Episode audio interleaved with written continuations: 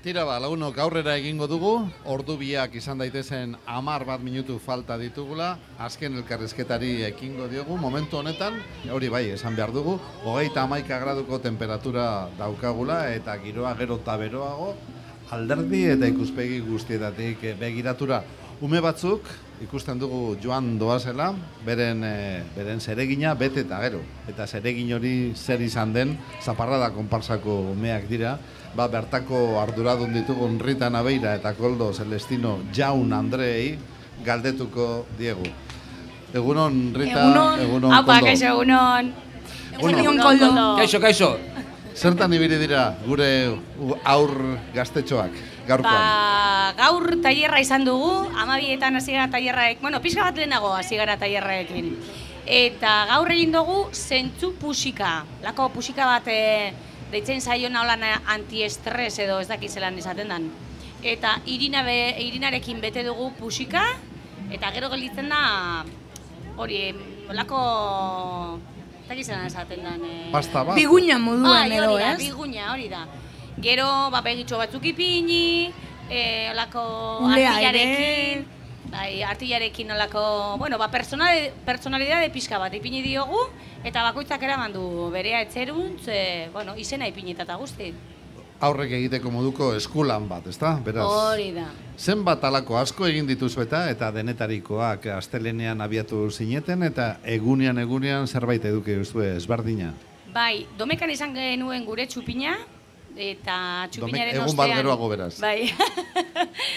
e, txupina eta segiduan disko dantza izan genuen, mugi zaitez e, neskekin, Mai eta Joanarekin, hemen egon ginen dantzan, JK, eta gero atera bere izan genuen, e, zelan da, e, Ura. ura, bai, jo, emangera. Zer egiten duen bero honek. Bai, joia, ez Hitzak ez, hitzak ez dira urteten. Joe, egia da, eh? Bueno, eta osteguna da, ez dakit nido mekan, igual ez naiz kapasa ez da egiteko.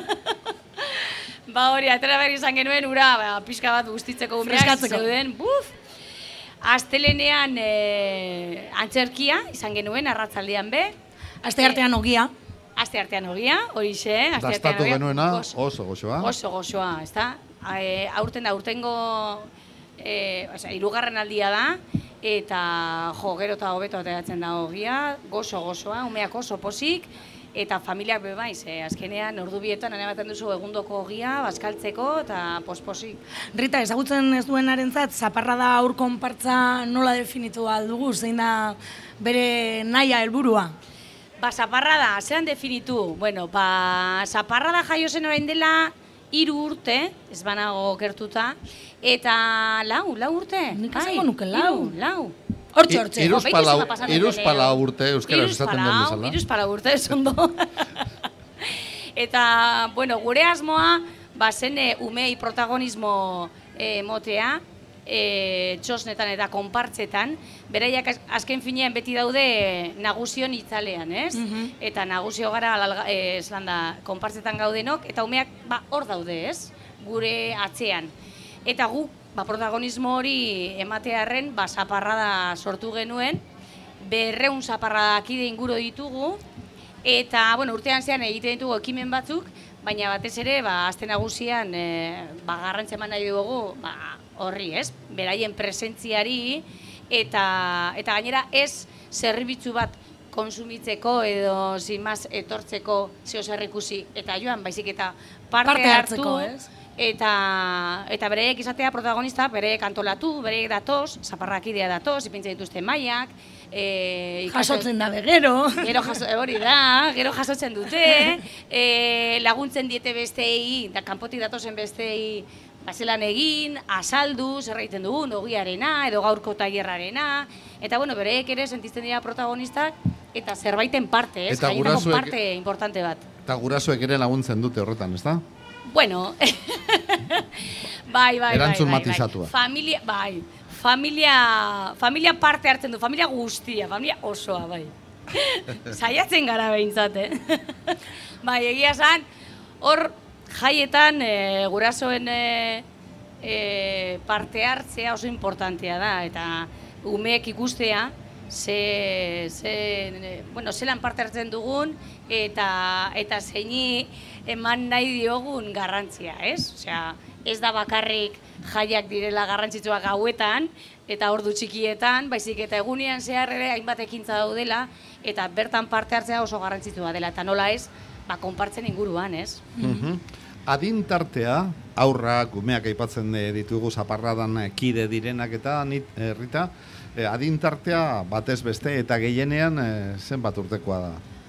Pues txikiena urten nik uste bi urte inguru eta ze, pues eta mairu, ama, bueno, ama sei urteko batzuk bai egon dira. Beraz, depende zer egiten den askotan hori da, ez? Depende ze ekintza... Eskaintza zelakoa den, ezta? Hori da, ba, urritzen dira ume txikiagoak edo, edo nagusiagoak. Gaur tailerra, osteguna da, zaparradak badu ekintza gehiago, Bihar Baskaria eta azkenengo eguna. E, ze, bueno, ba, konprobatu dugu urte hauetan, heltzen denean e, asteburua, umeak gero eta gutxiago daude, Bilbon, desagertzea doaz, eta, bueno, ba, eguraldiaren laguntzaz be, ba, bueno, ba, beste ekintza batzuk egiten dituzte, familian artean, eta umeak desagertzen dira pixka bat, azkenengo az- asteburuan batez ere. Orduan gure azkenengo e, ekintza bihar bertan da, gure Baskaria, eta hementze algara algararen magaletik ba, ba bueno paella ingo dugu. Beraiek eh, lagunduko dute bai bai bai jakina bai. Ba, gainera dakagu batzuk e, sukaldari fina direnak eta mosten eta satitzen eta egosten eta goiarakin ibiltzen oran buelta bueltaka oso gustora daudenak beraz. Ederto pasatuko dugu. Zikintzen gainera ze hor beti pasatzen da ondo. Bai, na, bai txikiak zein nagusiak. Zikindu behar da pizka bat, eta zikintzen bai ondo pasatzen dugu. ba, duda bihar zaparrada baskarira etorriko gara. Bai, bai. Bai, Eta gainera- zaudete, eh? Konbidatuta. Eskerrik June asko. etorriko da, aurreko egunean etorri Bai. sana. Bai, gure... i- irratirako fitxatu nahi dugun Hori, eh, bai, bai, bai. hori, ezta? Lau urteko neskato bat izan genuen atzo, ez dakite lagunok entzuteko paradarik izan zenuten, baina harrituta eta miretxita utzi gintuen denok, lau urtenekin zelako itxura, zelako planta mikrofonoaren aurrean, nola heldu zion mikrofonoari eta nola agindu zuen, hasieratik eta Bai, hasi bai. tabuka, nola esan zuen, esan beharreko guztia ondo esan da. Bai, bai, eta- bai, bai, eta so, karakterra gainera, eh, trilita, trilita. Bueno, paella, orduan, zuek frogatu duzue, eh, aste nagusien alkoholik gabe ere bizi daitekela. Egon daitekela eta jaia egin daitekela. Jakina, saiatzen gara, eh? bueno, hau zabakat, eh, irrintzia botatzeagatik lan, eh? Baina bestela aguantatzen dut azte osoa. Sinestuko dizu gorrita. bueno, ba, zorionak egiten duzuen lan ederratik, eh? Ba, Zuei egunero hemen zaudetelako.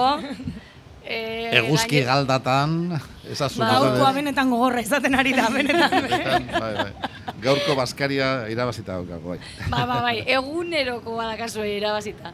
Beraz, zorionak zure, zuei ere. Eskerrik asko, Rita. Venga. Agur. Agur. Agur.